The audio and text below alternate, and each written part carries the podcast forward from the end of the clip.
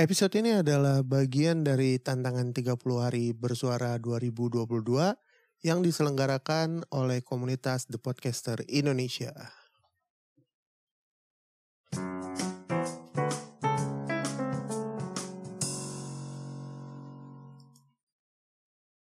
Ah, kita masuk ke episode yang agak lain ini. Episode 9. Bunga bukan nama sebenarnya. Ya, untuk episode ini uh, gue sebenarnya mau ngasih series, cuman ini series sudah agak lama dan mungkin ini biar temen gue aja kali ya yang ngasih rekomendasi. Dan kebetulan series ini adalah series Korea gua agak-agak samar ya 2010 apa 2011 gitu seriesnya. Nah nanti uh, in detail gua kasih nah nanti in detail temen gua lah yang ngomongin series ini di sesi selanjutnya. Uh, kali ini gantian dulu.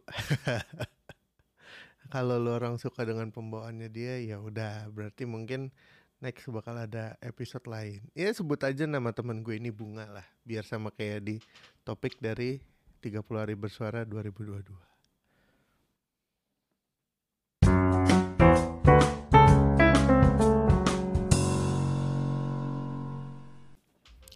Ya, makasih Irsan udah ngasih gue kesempatan untuk ngebahas series Korea jadul ya.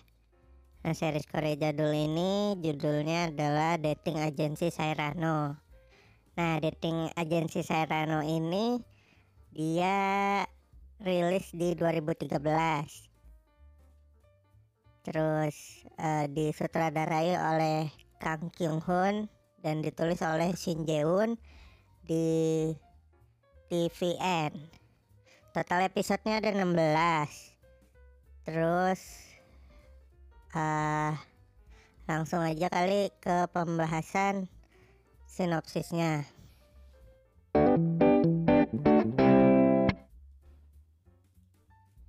Jadi sinopsisnya ini semacam uh, agensi untuk perjodohan tapi mereka menolong orang satu persatu gitu.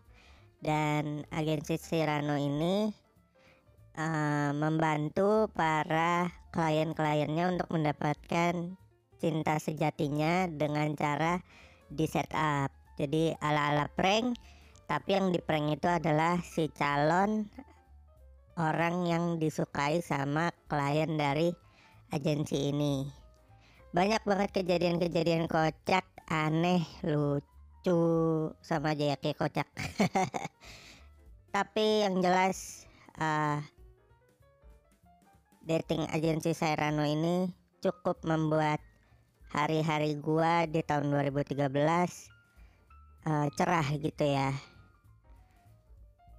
Karena ada idola gua salah satu pemainnya yaitu Suyong uh, mungkin dibahas dulu untuk cashnya dan beberapa uh, additional cast member. Jadi untuk cast utamanya di sini ada Lee Jong Hyuk sebagai Seo Byung Hun, terus ada Suyong sebagai Ko Min Young, ada Hong Jong Hyun sebagai Mujin, ada Jo Yun Woo sebagai Arang, ada Lee Chun Hee sebagai Cha Sung Pyo, ada Bae Sung Woo sebagai Min Sik, ada Kim Min Kyo sebagai Yong Dal, ada Kim Jung Wah sebagai Yeon Yisul, ada Han Yojo sebagai Hyeri.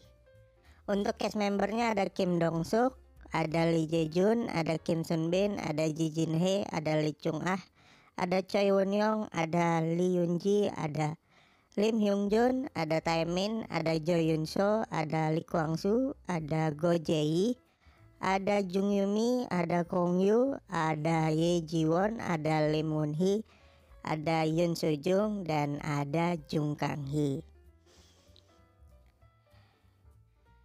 banyak banget anjir cashnya dan additional cash iya seperti yang tadi gue bahas jadi series Korea ini uh, banyak ngebikin apa ya bisa dibilang kebetulan-kebetulan untuk membuat si target yang diincar sama kliennya ini tuh tergugah dan merasa bahwa kliennya ini adalah orang yang terpilih atau jodohnya gitu. Nah ini uh, gue baru buka IMDb di IMDb untuk skornya ada 6,9 per 10 dari 215 orang yang vote. Memang tidak terlalu banyak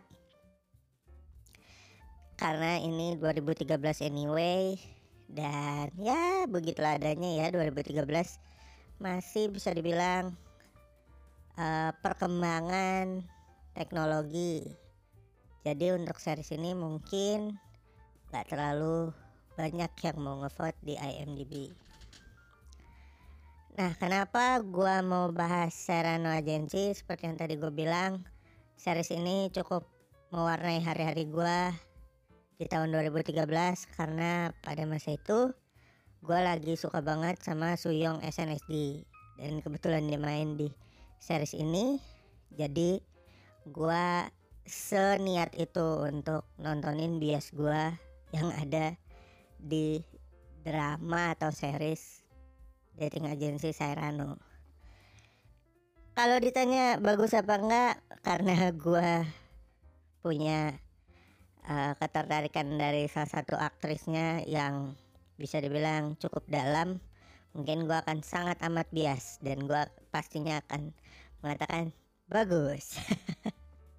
Tapi gini, Uh, bagusnya di sini adalah karena pada 2013 itu gue belum pernah nonton series yang punya plot cerita atau uh, cara handling. Ya pokoknya plot cerita yang seperti di dating agency Sairano. Ketika gue nemuin plot ini gue cukup tergelitik dan kayak bisa ya orang bikin kayak gini dan harusnya kan berarti ada inspirasi-inspirasi lain di dunia nyata yang akhirnya ngebuat cerita yang se selucu, sekompleks dan semenghibur dating agency Serrano gitu.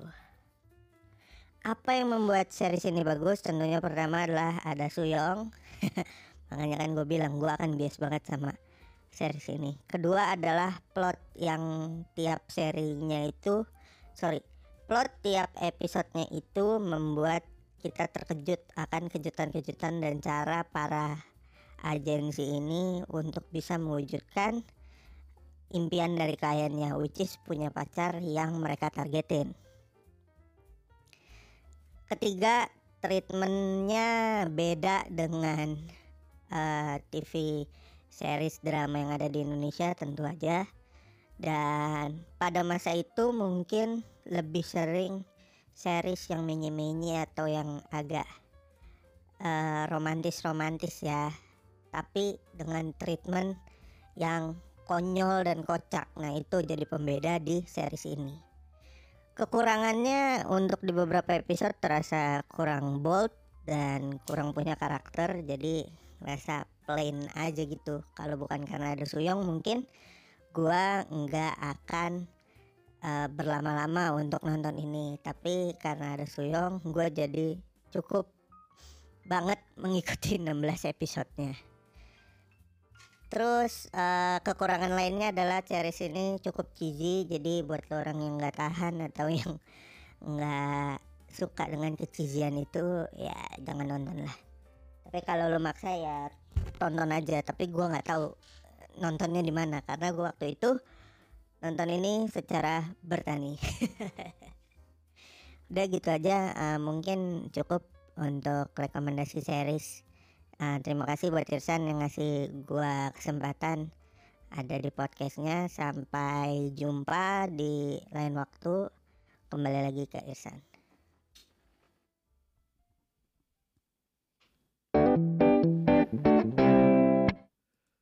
Nah iya itu tadi series dari Bunga seorang teman yang gue berikan kesempatan untuk bisa menyampaikan seriesnya di episode ini. Nah menurut lo gimana cara pembawaan Bunga? atau series yang bunga rekomendasikan langsung taruh di kolom komentar kalau berkenan atau langsung DM gua ntar gue sampein ke bunga uh, mungkin segitu aja untuk episode kali ini gue dan lima pamit sama bunga pamit sampai jumpa ciao